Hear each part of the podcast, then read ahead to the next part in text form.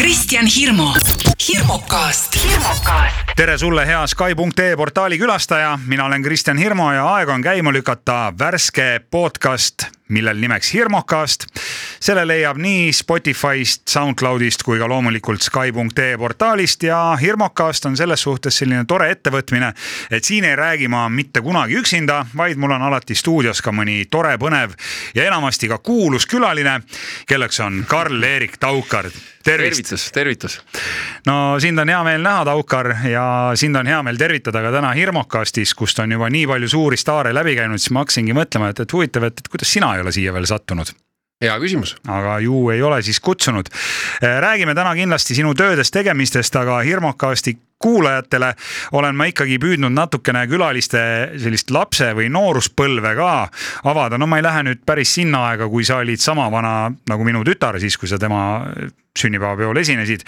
aga räägi natukene oma lapsepõlvest, kus sa kasvasid, mis koolis käisid ja, ja loodetavasti oli su lapsepõlv ikkagi õnnelik ma usun küll suures plaanis, et eks aegu oli igasuguseid ja, ja selles mõttes minu lapsepõlv oli jagatud tegelikult kahe linna vahel, et ma sündisin küll äh,, kuidas ma nüüd mõtlen, ma sündisin Viljandis siis ma tegelikult pärast sündi ikkagi äh, kolisin nii-öelda, kuna vanemad elasid ikkagi tol ajal veel koos ja Tallinnas, siis ma kolisin Tallinnasse. aga, aga selline esimesed lapsepõlve aastad teadlikud äh, möödusid ikkagi juba pigem Viljandis kus me siis äh, elasime oma minu emaga ja, ja pere oli, oli selles mõttes nii-öelda kahes linnas laiali. ja seal ma käisin koolis esimesed kaks aastat ja siis kolmandasse klassi ma tulin siis Tallinnasse kahekümne esimesse nii-öelda, nii-öelda ja minust sai siis tallinlane pärast seda kuskil kümneaastaselt. no aga mis tunne oli tulla väiksest puust linnast Viljandi sellisesse suurde uhkesse pealinna nagu Tallinn, et no ikka... et mäletad sa, on sul sellest ajast ka mingeid eredaid emotsioone, et mis Tallinnas oli teistmoodi või mis siin oli, noh, trammid näiteks, eks ju, mida Viljandis ei ole? no ma olin ikkagi käinud äh, Tallinnas ikkagi äh, omajagu, sest et isa elas ju siin, aga, aga, aga jaa, mul oli noh see, et, et ma ei, võrreldes klassivendadega ma ei tundnud kesklinna absoluutselt. et kui kõik ütlesid, et kuule, lähme sinna, ma ei tea, Kaupsi taga on seal mingi see park või midagi, siis mul, mul polnud isegi, ma ei teadnud, milline see kaubamaja isegi põhimõtteliselt on. et see oli nagu üks asi. aga midagi veel äkki? mul ei olnud erilist vau-efekti ausalt öeldes, ma kohanesin siin võrdlemisi hästi ja, ja muidugi noh eks selles mõttes, kui, kui ma alguses Viljandis käisin Männimäe lasteaeda algkoolis, kus oli, ma arvan, umbes kokku võib-olla üheksakümmend õpilast, siis ma äh, nii-öelda Tallinnasse tulin riigi suurimasse kooli, kus oli tuhat viissada. nii et eks seal ikkagi selline teatav vahe oli, aga, aga mingisuguseid erilisi kohanemisraskusi vist ei olnud mul selle pealinna eluga no eks mõned kontrastid olid, aga ütleme nii, et sa oled sellest elust äh, päris mõnusalt läbi libisenud ja selle elu juurde me tänase Irmokasti käigus kindlasti ka tuleme. Äh, millal sa bändi hakkasid tegema või kust sul see pillimängu huvi tuli või, või millal sa esimest korda tundsid, et sa tahad kitarri kätte võtta? no see oli sealsamas koolis tegelikult äh, õigemini ma vist varem juba leidsin pööningult ühe vana veneaegse siukse mingi veidra, veidra akustilise kitarri, kus oli kolm keelt.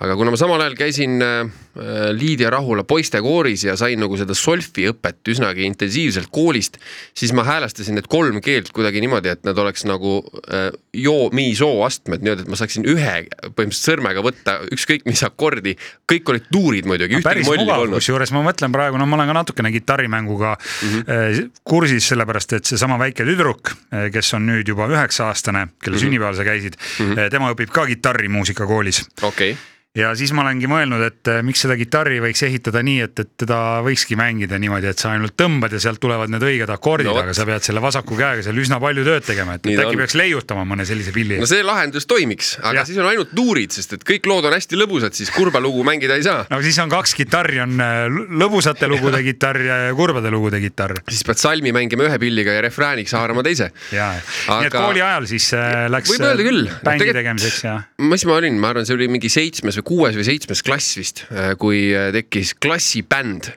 ja, ja siis oli klassibändis oli puudu, äh, oli puudu bassimehe koht ja siis mõeldud-tehtud, ma ütlesin emale, et, et kuule, et, et mul oleks vaja basskitarri, ema ostis mulle tuhande viiesaja krooni eest Jolana, mis on Tšehhoslovakkia toodang, ostis ühe basskitarri ja siis minust sai klassibändi bassimees no see oli ka loogiline nii-öelda protsess või, või asjade käik, sellepärast et kui sul oli kõigepealt esimene kitarr kolme keelega, siis bass on ju nelja keelega, sul tuli ainult üks keel juurde võtta. see on õige, transformatsioon läks valutult.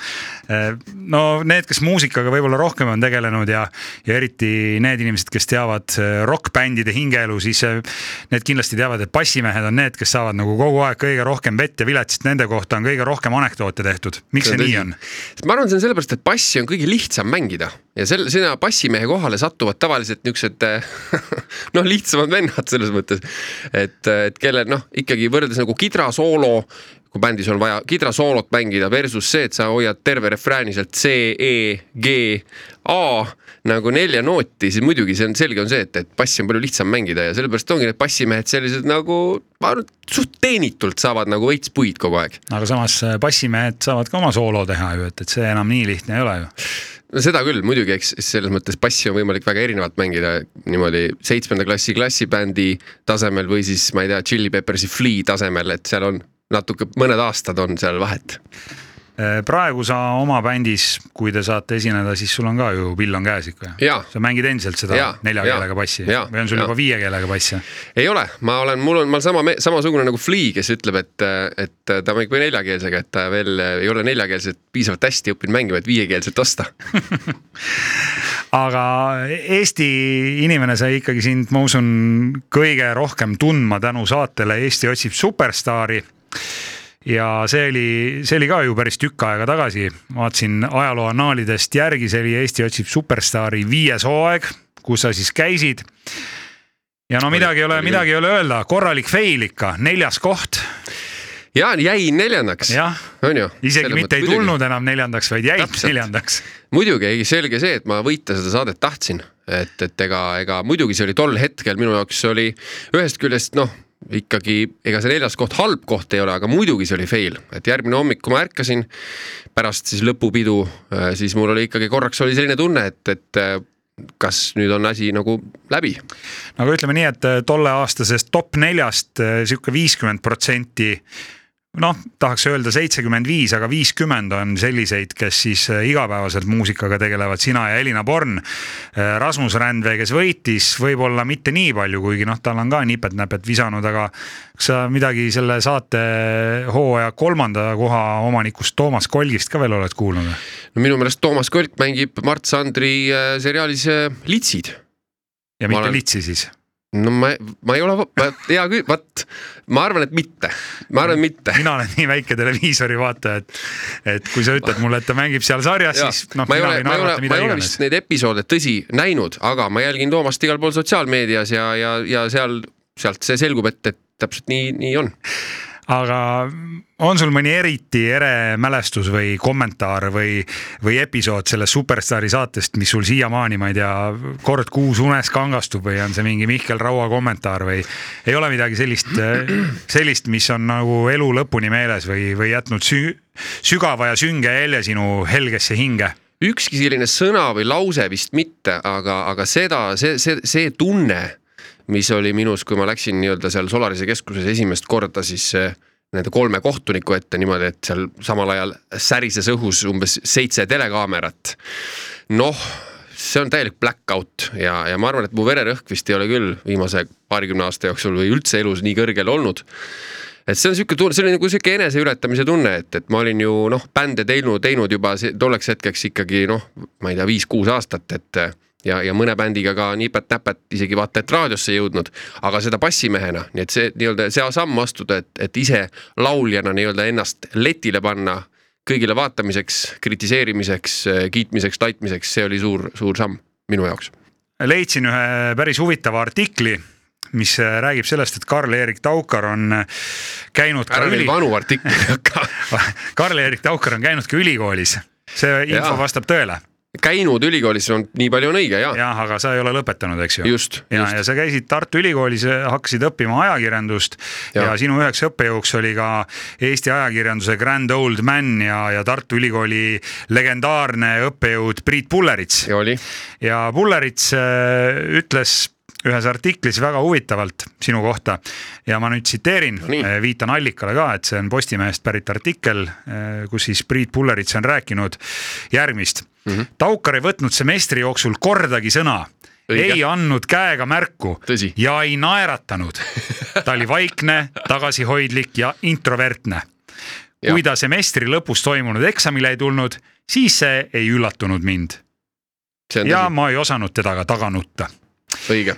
nüüd on siis küsimus, et, et kuidas sellest äh, vaiksest tagasihoidlikust introvertsest Karl-Erik Taukarist sai järsku Eesti otsib superstaari no ikkagi väga kõrgele kohale jõudnud artist ja, ja sealt edasi ju sul on ainult läinud ülesmäge, et et kas toimus Jah. siis mingi totaalne kannapööre või, või seal oli, seal oli natuke see asi ka, et tõenäoliselt kui neljapäeva hommikul ma jõudsin uudise sotsioloogia äh, loengusse ja kaheksa viisteist, siis oli võib-olla sellele ka eelnenud öö suhteliselt magamata, kui ma selle uudise sotsioloogia kodutööga tegelesin.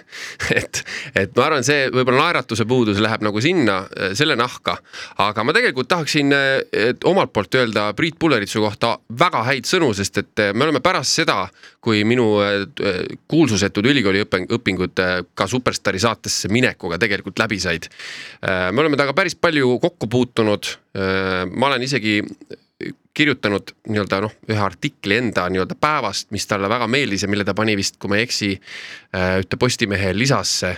Ja, ja kuidagi äh, ma tean seda, et ta, ta räägib minust äh, oma loengutes vist suhteliselt regulaarselt, sest et ta paneb ma tean, üliõpilased on mulle rääkinud, et, et ühel hetkel on seal slaidide vahel on Taukari pilt ja mille peale siis äh, Pullerits küsib, et no mis te arvate, et, et miks Taukari pilt äh, siin on ja mis te arvate, kas Eestis on lihtsam olla number üks meesartist või jõuda minu aines eksamile mille peale muidugi retooriline õige vastus on see, et jah, lihtsam on olla number üks jah, meesartist. sest eksamile sa ei jõudnud täpselt ja, ja Pullerits ei osanud sind ka taga nutta täpselt nii oli. aga ma lõpetan siis selle teema ära ja võtan selle kokku Pulleritsu enda sõnadega, sellepärast et ta ütlebki siin selles samas artiklis ka järgmist. nimelt huvitav on minu jaoks ka see, et kui tema tegi ühel kevadel mulle hinde peale töid, siis kolm-neli aastat hiljem tegin mina temaga ehk siis Taukariga Arteri kaaneloo jaoks intervjuud. jah, ja ma ei ütleks, et rollid oleks vahetunud, kuid tol hetkel oli minul juba teda vaja tõesti jah Jah. ja., oligi nii, oligi nii. seesama oligi Arter just ja aga sulle siis ikkagi sobis ilmselgelt rohkem see artisti elu ja, ja kõik see, kogu see roll ja tähesära ja, ja rambivalguses olemine, kui kui nüüd kasvõi seda Priit Pulleritsu lugu veel tagantjärgi meenutada. Äh, jah, ma tahaks öelda, et ma tulin selle, selle rolliga või selle pingega paremini toime jah, kui, kui selle nii-öelda tõsise uudise sotsioloogia ainega tol ajal. sest nii oligi. viiendal hooajal sa Superstaari saates äh, tulid tublile neljandale kohale ja kuuendal hooajal sa juba juhtisid seda saadet et tegelikult ikkagi ütleme niimoodi, et otsapidi läks see ajakirjanduse asi edasi, et, et Jaa. kuidas, kuidas see töö tuli ja kas see oli su esimene telesaate juhtimine? tegelikult äh, kui päris ko- äh, korrektne olla, siis mu esimene telesaate juhtimine oli kaks tuhat kolmteist aastal üks äh, selline saade nimega Maxima tuleviku talent, mis oli otse-eetri saade, mida me juhtisime koos Liis Lemsaluga. toimus see Õpetajate Majas vanalinnas, korralik teleproduktsioon, Raivo Suviste. nii et minu tuleristsed olid hoopis seal, esimesed. aga jah, tegelikult oli niimoodi, et kui see saade läbi sai, noh, kaks tuhat viisteist, kui ma siis ise Superstaari juhtisin, oli mul juba olnud äh, mõningast edu nagu sooloartistina ja, ja mul oli tegelikult plaat väljas, mis oli juba muusikaauhindu võitnud. nii et äh, ma tulin ilmselt neile meelde kui võib-olla selline noh, ka nagu ikkagi edulugu selle formaadiga seoses ja Triin Luhats mulle helistas ja pakkus, et kuule, et äh, me tahaksime sind äh, saatejuhiks ja muidugi ega ma pikalt ei mõelnud. vaatasid, et eh, noh, poiss seal top kolm ei tulnud, laul, laulmisega on nagu on, aga aga las siis juhib saadet, eks just ju., on ju, täpselt nii oligi et äh, võitjal oleks võib-olla noh, mõtle, kui, kui see Superstaari saate võitja hakkaks juhtima seda saadet, siis tekiks küsimus, et noh, et, et mis see- võidust nüüd polnud mingit kasu, et ikka oled, see muusikat ei teegi enam, eks ole. aga neljanda koha vend, see on võib täitsa nagu okei juhtida. ja, ja, ja sa oled Eesti Laulu juhtinud, eks ju, ja siis veel mingi terve hunniku saateid. mm.. et On küll. äh, kumb sulle rohkem siis meeldib, kas äh, teha neid telesaateid ja ma ei tea, juhtida mõnda suurt galat või õhtut või olla ikkagi oma bändiga laval ja laulda neid oma laule? Et kui sa pead nüüd kaks asja panema kaalukausile. noh, mul on tegelikult nagu kaks äh, asja No kaks kaalu. ma suures plaanis nagu teha viitsin, üks on äh, suurte nagu nii-öelda, ma tavaliselt, mul on nagu sihuke, mitte üldse nagu endale kuidagi äh, nüüd mingit tohutut staatust omistades või kuidagi uhke olles, aga, aga jah, mul on see, et, et ma üldiselt, mulle meeldib juhtida selliseid suuremaid telesaateid, kus on korralik suur produktsioon ja, ja mitte väga sellist võib-olla indie, indie asja teha, et, et äh, mulle meeldib juhtida jah, selliseid suuremaid äh, võib-olla projekte, mis nagu endale ka pinget võib-olla rohkem pakuvad. et kui Maxima säravad tähed jälle tuleks uuesti. Tulevikutalent. või tulevikutalent, et seda sa enam ei läheks tegema või? sõltub numbrist, aga, aga, aga ma ei välistaks midagi muidugi. raha. aa, rahanumbrist, okei. on töid, mis paitavad rohkem hinge ja teisi töid, mis paitavad rohkem rahakotti, et Jah. nii see on aga saatejuht või, või bändiga laval, et siis kummale poole see kaldub ikkagi? no igal juhul muidugi on see muusika ja minu bänd et, et üheksakümmend viis protsenti ajast äh, kulub mul ikkagi muusika äh,, muusika salvestamisele ja, ja kontsertidele. No sa ütlesid, et kõik sõltub numbrist ja, ja kui on õige number, siis sa oled nõus tegema mida iganes, aga ei, seda ma ei öelnud.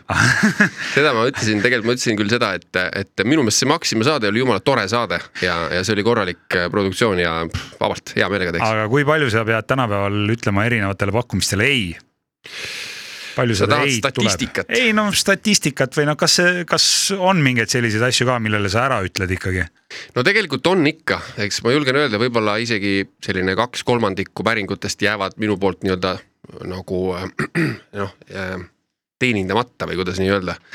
et äh, mis ma, mida ma tavaliselt äh, väga palju ei tahaks teha, on äh, esiteks sellised väga suured äh, ilma piletita kontserdid, sellepärast et äh, sellepärast, et see on selline noh, natuke solidaarsus nende korraldajate suhtes, kes korraldavad Eestis nii-öelda Piletiga artistide kontsert. piletiga kontserte, et noh, see on lihtsalt äh, noh, see on nende konkreetselt nende nii-öelda vaiba, vaiba alt ära tõmbamine, Aga aga neid- ikkagi sel suvel mõned sellised ka toimuvad väga valitud kohtades. ja, ja kes neid ilma piletita kontserte siis korraldavad, mingid omavalitsused ja avalik sektor pigem jah ja, ja kuna meil sügisel on valimised tulemas, et siis ilmselt täna on Eelarvet on. muusikutel võimalik käia nendel suurtel tasuta kontserditel Jaa. ja teie ju ei käi seal tasuta, eks ju? Äh, see on tõsi muidugi, meil on ikkagi ju meil üheksa inimest tuleb koha peale ja, ja teevad tööd, et, et, et selgelt mm -hmm. kõik seda tasuta ei tee. aga, aga teine asi muidugi, mis, mis juba siin podcast'i alguses tuli jutuks, on see, et kuna noh, ma olen nagu siin vestluses ka on selgunud, ma olen ju hingelt bändimees ja ma teen ja mul on nii hea bänd, et, et ma, ma, mul on, mul on nende vendadega selline solidaarne kokkulepe, et, et ähm, ma ei käi üksinda või kammistega kahekesti kuskil esinemas ja, ja nii-öelda samal ajal ülejäänud mehed istuvad kodus, et äh, nii on ja, ja selle tõttu jääb ka palju asju tegemata, kuna meil lihtsalt ei ole sellist väikest äh, nii-öelda soodsat äh, formaati. no kui sa neid väikseid asju ei tee ja oskad öelda ei, siis sul peaks ikkagi mingit vaba aega ka alles jääma. no sõltub, eks mul õnnestub muidugi alati ikka vastu võtta mõni teleprojekt. aga on sul üldse vaba aega ja kui sul seda on, siis millega sa seda sisustad, on sul mõni hobi või harrastus?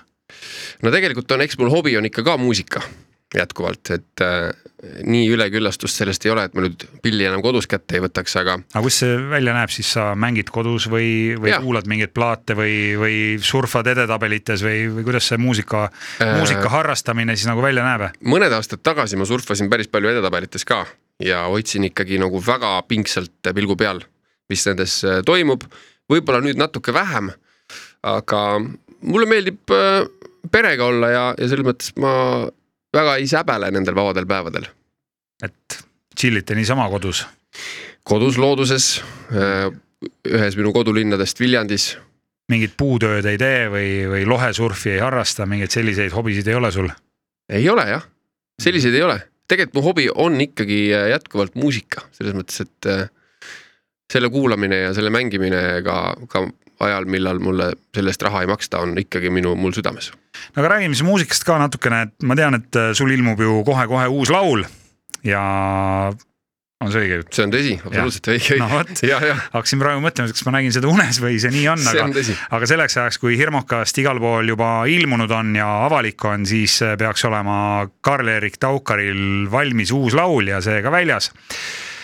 räägi natukene, et, et kuidas see laulu tegemise protsess välja näeb no inimene kujutab ette, et äh, tööline läheb hommikul tehasesse, ta hakkab seal tegema mingit asja, näiteks treima seibi või, või ehitaja läheb objektile, hakkab laduma müüri. aga kuidas üks äh, laulu tegemine välja näeb? Äh, no ma usun, et igas kollektiivis on need protsessid suhteliselt unikaalsed, aga meil on see umbes niimoodi, et sõltub loost, näiteks eelmine lugu, mis, mis on nii-öelda hetkel siis, kui me, kui see podcast toimub nagu nii-öelda kehtiv singel nimeks Kuule sündis tegelikult meil kammistega minu garderoobitoas, mida ma hellitavalt muidugi kodustuudioks äh, nimetan. aga istusime koos, kammisti tuli külla, helikaart on üleval, noh tänapäeval ei pea enam olema sa miljoni euroses kallis helistuudios, et, et luua kvaliteetsel, äh, kvaliteetselt salvestada oma muusikat nii et jah, kuule selline seitsekümmend viis protsenti demo oli meil valmis kammistega jah, kuskil tunni aega juba kodus, mida me pärast kuidas, muidugi. kuidas siis on, et kas keegi hakkab midagi tinistama? edasi timmisime. et keegi hakkab midagi tinistama, siis teine võtab sealt otsa üle, tinistab ise midagi edasi. hakkate ja. seal sättima midagi või on, või on ja. kindel plaan, et, et nüüd istume maha ja võtame noodipaberi, selle viis joont ja pliiatsi ja hakkame kirjutama või? noodipaberit ei ole aega võtta, sest et mõte lippab kiiremini, kui äh, käsi jaksaks neid noote sinna kirjutada ja võib-olla see noodi kirjutamine ei ole enam nii hästi meeles ka. aga jah, nii täpselt ongi, et, et kui on nagu vibe on õige, kui äh, sellised äh, avatud meelega inimesed on koos, siis täpselt, keegi peab selle ju algatama, keegi peab mingisuguse esimese tempo või mingisuguse esimese riffi andma, mille peale siis ülejäänud asju laduda kui ma sinuga tänast äh, Hirmukasti salvestust kokku leppisin, siis äh, Karl-Erik Taukar oli tegelikult noh, maailma kõige hõivatum inimene. sa ütlesid, et sul on see, siis on sul mingi järgmine asi. on siiamaani äh, uus, uus laul on tulekul, sul on umbes neli chati akent lahti. et aga kui palju tööd selle, kasvõi selle ühe laulu ilmumise taga veel on või kui suur see protsess üldse on, et palju seal neid inimesi on ja kui pikalt see protsess aega võtab? Äh, ma arvan, et rohkem kui võib-olla esimese pilguga võiks arvata, et äh, noh, näiteks selle looga Super kange kaelsega oleme me noh, Vallo Kikasega ikkagi istunud äh, stuudios nädalaid.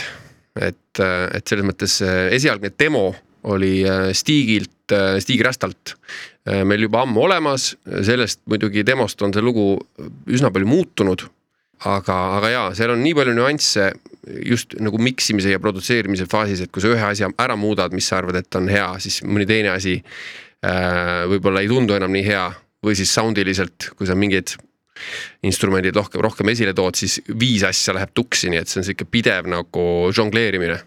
noh, rääkimata muidugi kogu sellest nii-öelda singli turundusest kõik videod, äh, photoshoot'id, pildistamised, mingid äh, asjaajamised, paberimajandus. Õnneks mul on, õnneks mul on selles mõttes ikkagi abilisi ka, et, et üksinda ei jõuaks seda kõike teha. okei okay,, nii et see on ikka selline nädalaid või võiks isegi öelda, et kuid kestev protsess, et see uus laul ei sünni niimoodi nipsust poole päevaga. no tegelikult see nagu laulu kirjutamise osa võib sündida küll, aga aga jah, sealt sellest toorest demost nii-öelda äh, singlini viimine jah, võib minu kogemuses äh, jah, võtta päris kaua aega. hästi populaarne on praegu elukestev õpe ja me oleme juba korra sinu noh, ei saa öelda, et luhtunud ülikooli teed siin täna puudutanud Irmokastis, aga, aga sul on ikkagi ülikooli kogemus olemas. Ja sinu ametiõed ja vennad on siin ka usinasti täiskasvanuna hakanud veel koolipinki nühkima ja, ja, ja läinud äh, uusi ameteid õppima, näiteks Tanja, kes läks ju Luua metsanduskooli ja, ja, ja Tanel Padar, kes sai keskhariduse, eks ju, ja hiljem isegi ülikooli diplomi et kas sul endal ei kripelda natukene, et, et võib-olla tahaks ka ühel päeval midagi ära teha ja õppida võib-olla mõne päris ameti ka selgeks? ja no muidugi, see on hea küsimus ehm,. väga nagu see diplom mind küll ei kripelda, et selles mõttes noh, diplom no keskharidus minu, võiks ikka inimesel olla, eks ju, ja see on sul olemas Kes, keskharidust suures plaanis võiks olla jah. Et noh, see, see diplom jah, see ütleme kui seda ei oleks, oleks tõesti mõned uksed, uksed võib-olla rohkem suletud, aga samal ajal minu ja meie valdkonnas nagu noh, kui palju see diplom tegelikult inimest huvitab, kui sa lähed äh, lavale ja, ja laulad talle oma, oma lugu, et tegelikult ma arvan, ta võib-olla nii väga seda diplomit ei, ei otsi. aga siiski ma olen näinud, et äh, sa koostöös ühe armastatud kodumaise pangaga, mille klient ma isegi olen, oled siin vahepeal inimestele usinasti rahatarkust jaganud et Tõsi, äh, kas sa jagad seal nagu enda tarkust või sa räägid seda, mis sulle paberi peal ette on kirjutatud?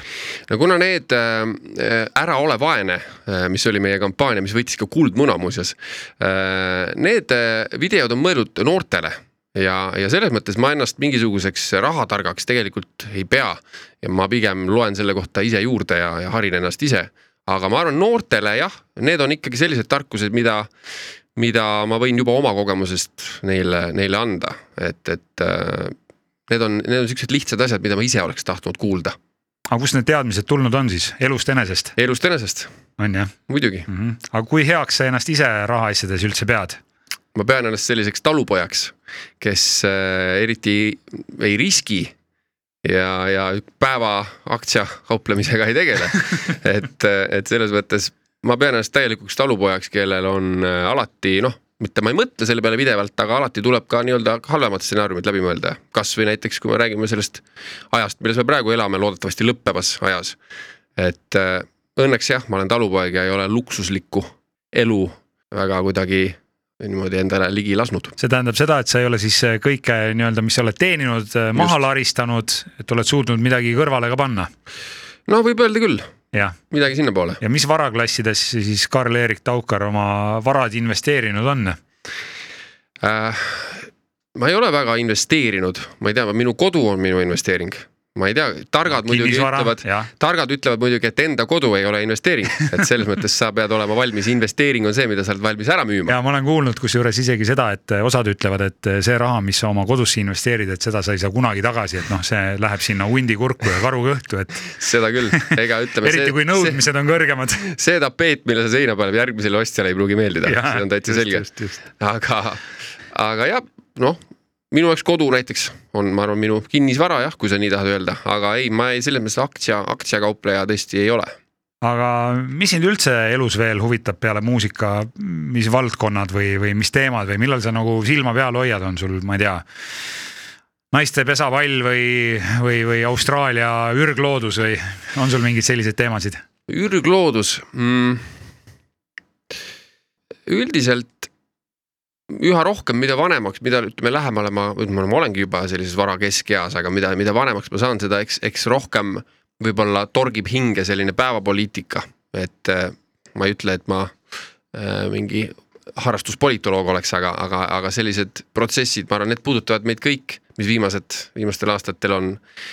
ma arvan, ka kõige siukse ükskõiksema inimese ikkagi natuke mõtlema pannud. Ja eks ma hoian ennast nendes asjades kursis aga, aga jah, ei naiste võrkpalli ma ei eriti jälgi, ma olen üldse suhteliselt kehv spordijälgija. aga jah, kui ikkagi eestlased mängivad, siis ma ikkagi mind huvitab küll, kuidas neil läheb. no loodame, et meil läheb hästi. sa oled ju pärjatud erinevate auhindadega ja kaks tuhat üheksateist oli ju mega-aasta. oli küll. no oli ju, kõigepealt tuli see aasta saatejuhi tiitel, see tuli Eesti filmi ja teleauhindadelt aasta meessaatejuht. mis seal veel tuli siis? no kõige seksikam mees ah,. okei okay., õige, õige, muidugi. ja, ja, ja, ja tuletame, tuletame siis meelde, et äh, tänavused Kroonika meelelahutuse ka siin kohe-kohe tulekul ja ja minu kolleeg Maris Järva näiteks on nomineeritud aasta raadiohääle tiitlile. aga. ma olen tiitle... ise ka nomineeritud aasta mees, aasta, aasta saatejuhi tiitlile. no näed, jälle sul on nominatsioon kirjas. palju õnne Marisele ka jah, muidugi, Marisele palju õnne. Äh, mul ongi siin, ütleme nüüd niimoodi, et mul on äh, kaks varianti. Äh, mul on võimalik sulle esitada kolleegi küsimus, mis siis tuleb mm -hmm. ühelt minu kolleegilt või siis lapse küsimus, mis tuleb minu lapselt. et kumma sa valid? kas mõlemat ei saaks saab. okei okay., siis alustame. võtame siis sinu tütre ei, küsimuse. ei, alustame kolleegi küsimusest ah, okay. ja, ja üks kolleeg tahab teada no, nimelt tema väidab, et sina hakkad äh, vaikselt Ott Leplandistuma. et äh, miks Karl-Erik Taukar nii kiivalt oma pai poisi kuvandist kinni hoiab? ja kas see on teadlik kuvand või kas sa päriselt ka oled selline? kurat, raske öelda.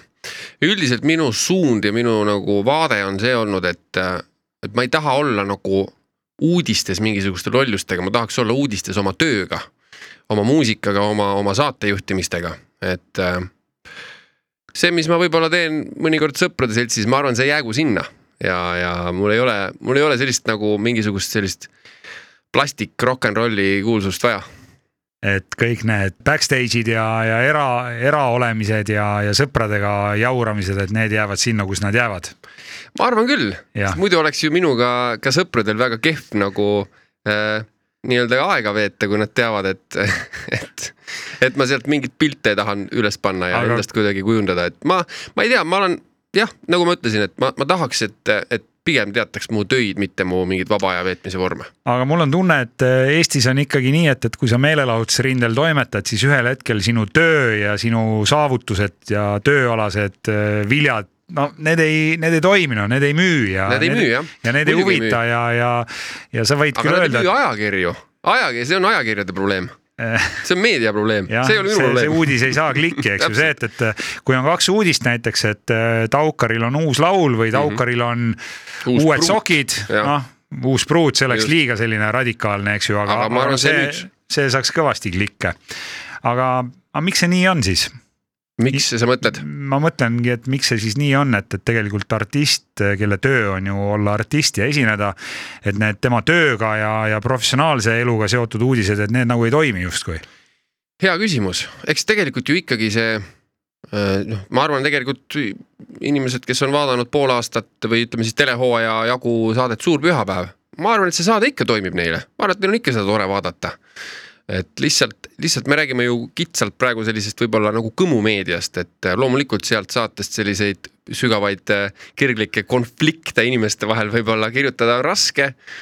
aga, aga selles mõttes, et see saade ise ju, ma arvan, et rõõmustab ikkagi inimesi vastasin me... veits mööda su küsimusest. ei, väga hea, see ongi normaalne vastata nendele lollidele küsimustele nii, et. Äh, kes, Kivisaar, see oli Kivisaar? ei öelda Kivisaar, ei saa, ma ei saa mul on see allikakaitse, et ma ei, ei saa. ei no kuule, mis sa jamad nüüd ei, ei, ei, see on, sa oled täitsa vales suunas, see oli üks naisterahvas, kes palus seda küsida muideks naisterahvas, kas see on keegi teie toimetusest? no see on siit meie majast, meie maja on suur ja lai ja meil on siin erinevaid divisjone. Teil on sealt Digi ja sellest Sky.ee e äh, toimetusest. portaalis on inimesi ja raadios on inimesi ja, ja, ja. nii et äh, on, on Taukari kuvand, milline ta on, ta on täpselt selline nagu vaja. ei, vastupidi, ma olen, ma olen selline, nagu ma olen. sa oled selline, nagu sa oled, et sa päriselt siis oled ka selline selline ontlik ja, ja viisakas ja korrektne ja paipoiss. oma ja... avalikes töödes küll. okei okay., no aga siis võtame teise küsimuse, see on minu ei, lapse küsimus. paipoiss, ma olen, ma olen ikka ma ise selles mõttes, et, et ega paipoiss on, ütleme pigem oleks see, kes võib-olla tahab äh, hästi sellist noh, teadlikult näiteks ütleme hoida avatud, ütleme sellise noh, mingisugused noh, näiteks kui ma toon näite, no näiteks isegi, isegi, isegi kui me võtame Eesti sellise ühes võib-olla kõige suurema teleformaadi, mis on Idol ehk siis nii-öelda superstaar. et noh, justkui ma peaksin hoidma ennast nagu hästi poliitkorrektsena, et üldse seda saadet tegelikult juhtida, sest et noh, vastasel juhul formaadi piibliga läheb lihtsalt saatejuhi isik vastuollu, kui ma oleksin noh, selline ütleme ikkagi pidevalt narkovõõrutuskliinikutes ja, ja ütleme antisemiitlike väljaütlemistega mingi tegelane. et see, siis ma oleks nagu teadlik paipoiss aga kuna ma ei ole nagu narkomaan ega ka antisemiit, siis ma nagu ja. ei pea teadlikult ja, seda kujundama. ja siis sa tänu sellele saad ka juhtida seda saadet. näiteks. Idolit, Eesti otsib superstaari saime sellele küsimusele vastuse, kolleeg kuulab Irmokasti siit nüüd mitu korda järjest ja kuula sina ka, kui sa ei saanud aru, et keri tagasi. aga nüüd on äh, siis tõesti palju lihtsam küsimus ja see on minu lapse küsimus mm. -hmm. ja laps palus küsida Taukari käest. ja see on valiku küsimus, kas see või teine, kas ketšup või majonees majonees, olgu ta tervitatud. Põhjendame ka, miks ei, jah. Vaat väga raske on öelda, äh, mulle lihtsalt maitseb majonees rohkem ja ma olen eluaeg olnud äh, rohkem majoneesi usku ja mulle tundub, et seal on ka rohkem kaloreid. mulle ka maitseb majonees, eriti mulle maitseb näiteks Hollandis või Belgias süüa friikartuleid majoneesiga, sest nemad selle välja mõtlesidki. no vot Karl-Erik Taukar täna külas Hirmokastis, seda saab kuulata Sky.ee portaalis, lisaks ka Spotify's ja SoundCloudis. ja meil on olnud täna väga põnev, väga Ulga. sisukas ja mugav ja tutske jutuajamine sa seda väljendit kasutad ikka veel või? nüüd ma ise kasutan seda vähem, sest et vahepeal hakkasid teised hirmsasti seda kasutama, et äh, ma pean hoidma cool'i. jah, või siis mõtlema välja mingi uue vägeva sellise slogani, ma arvan, et ma ei, mul ei õnnestu enam, enam midagi nii lüüa. head ei tule. ma arvan küll, see on mu elu tipp. ja Karl-Erik Taukarile veel viimased kiired küsimused täna ja siin lähme edasi valikutega. ma tean, et sa tegelikult tulid just reisilt ja sa käisid reisimas soojal maal tõsi, ja, aga kui on, ütleme selline täitsa, täitsa tavaline olukord ja sul on võimalik valida, et, et kuhu sa sõidad, kas sa sõidad suusareisile või valid sa rannapuhkuse? laual on kaks valikut. Äh, kuigi mulle väga meeldivad suusareisid ka, siis ma ikkagi alati valin rannapuhkuse, et äh, mulle lihtsalt kuidagi, ma tunnen, et äh, kõik on parem, kui päike paistab ja merevesi on soolane. ja soe no soovitavalt ka soe. ja kui sooja veega sa Eestis ujuma lähed või kas sa Eestis üldse ujumas käid? ma, mul, minu taluvuspiir on vist seal kuskil neljateist kraadi juures, et ma alla selle nagu ei ole, ei ole käinud. no siis sa oled ikka talisupleja noh, kuigi mul on paljud sõbrad, kes käivad ka siin null kraadiga ujumas, et äh, ma seda ei teeks, ma tõesti ei teeks seda, sa talisuplust ei ole proovinud? ei ole. ma tahtsin proovida ükskord, aga mul ei olnud seda telefoni, et ma ei saanud pilti teha ja siis ei tohi ju minna talisuplust tegema. ma isegi, jah, kui sa pilti ei saa teha, täpselt, õige ja ise siis pole mõtet minna. jah, keegi ei tea ju. keegi ei usu ka pärast, kui sa ütled, et sa Muidugi ei usu. aga jääaugus oled sa käinud ei ole, peale sauna või mingi meeltesegasuses ma? mäletaks, ma tõ-, või no selles mõttes, et noh, et ma nüüd purjus peaga nüüd ka ei ole käinud, aga et selles mõttes, et võib-olla kunagi olen, aga, aga see ei olnud nii terav elamus järelikult, aga ma pigem arvan, et ma ei olegi käinud. nii et see on veel üks asi, mida oma elus siis proovida. räägime toidust, kas on midagi, mida sa ei söö? Ütled, ütled restoranis, et äh, mul on äh, gluteenitalumatus, laktoositalumatus, sibulatalumatus, paprikatalumatus. Äh, minu teada ei ole. aga, aga kui äh, ma arvan, suures plaanis jah, peet, ütleme, peet näiteks ei ole isiklik lemmik, aga okay., pi- pigem nagu ikkagi, mida aastad edasi, seda, seda, seda ütleme, tolerantsemaks ma muutun toidu suhtes. leplikumaks. jah, leplikum on parem sõna isegi.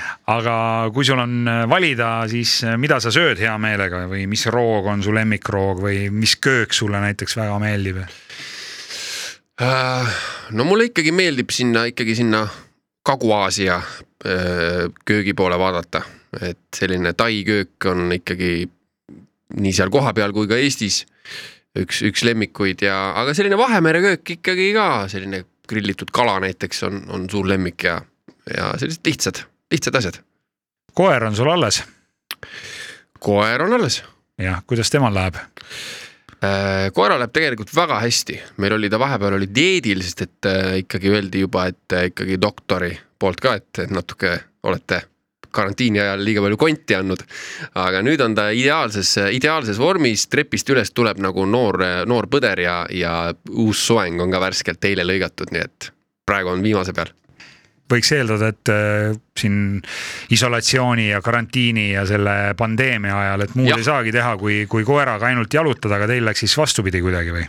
ei, tegelikult äh, läks, ei, selles mõttes ikka me käisime palju rohkem jah, temaga jalutamas ka, aga, aga ma ei teagi, kuidagi tal oli vaata talvel oli kuidagi selline nii paks karv, et sealt alt lihtsalt ei paistnud välja, et ta on ka tegelikult kosunud. meile lihtsalt tundus Kerliga, minu, minu elukaaslasega, et, et tal on lihtsalt hästi paks karv, aga, aga selgus, et ei olnud ainult. oli, oli juurde võtnud. kuidas sa iseennast vormis hoiad, mis sporti sa teed või, või on sul see nagu minu üks treeneritest kunagi ütles, see nipp et, et üheksakümmend protsenti kõhulihastest tehakse ikka köögis pliidi ääres. see vist on ka õige. aga ma olen selline, ütleme, sörkjooksu inimene pigem. või siis noh, sörk, sörk, jooks, ütleme, jooksmine. sa mingit hullu trenni ei tee, ei pane jõusaali ma... Viis korda nädalas. ma mõtlen, et ma alati midagi. lükkan seda edasi, ma tean, et ma tegelikult mulle nagu, mulle, mulle meeldib aeg-ajalt käia küll, aga noh, ilmselgelt kui mulle peale vaadata, siis jõusaal mu hobi ei ole. et, et aga vahepeal jah, kui isegi kui oleks tõesti tahtnud minna, siis oli ju pikalt ka ka see võimalus ära võetud, nii et ma sain rahulikult nagu mitte minna jõusaali, et vabandus oli olemas. see. oli valitsuse poolt oli ära keelatud suurim tänu. Suurim tänu valitsusele. aga ma saan aru, et äh, sinu silmas on ikkagi väike lootussäde ja, ja kas see tähendab seda, et siis kaks tuhat kakskümmend üks kevadel, suvel nüüd tuleb mingeid esinemisi ja, ja näeb Taukarit laval ka koos bändiga ja saate, saate jälle mängida ja, ja inimestele kontserditel esineda?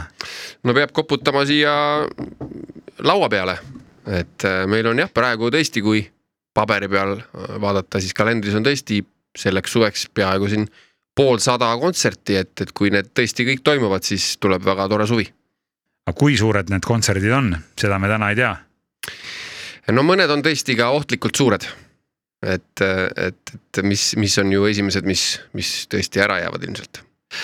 no loodame, et elu läheb ainult paremaks ja ja saame sind koos sinu bändiga selle aasta suvel Eestimaa erinevatel lavadel nautida. suur tänu, Karl-Erik Taukar. Ma tänan sind, Kristjan. aitäh, et sa tulid täna Irmokasti. sest äh, muidu oleks küll mage lugu, kui ühel hetkel teha kokkuvõtet, kes siin kõik käinud on ja sinu nime sellest listist ei leiakski. oli tore hirmukasti leiab Skype.ee portaalist, Spotify'st ja SoundCloudist ja mina, Kristjan Hirmu, soovin teile kõigile seda, et püsige terved ja kuuleme juba järgmises episoodis.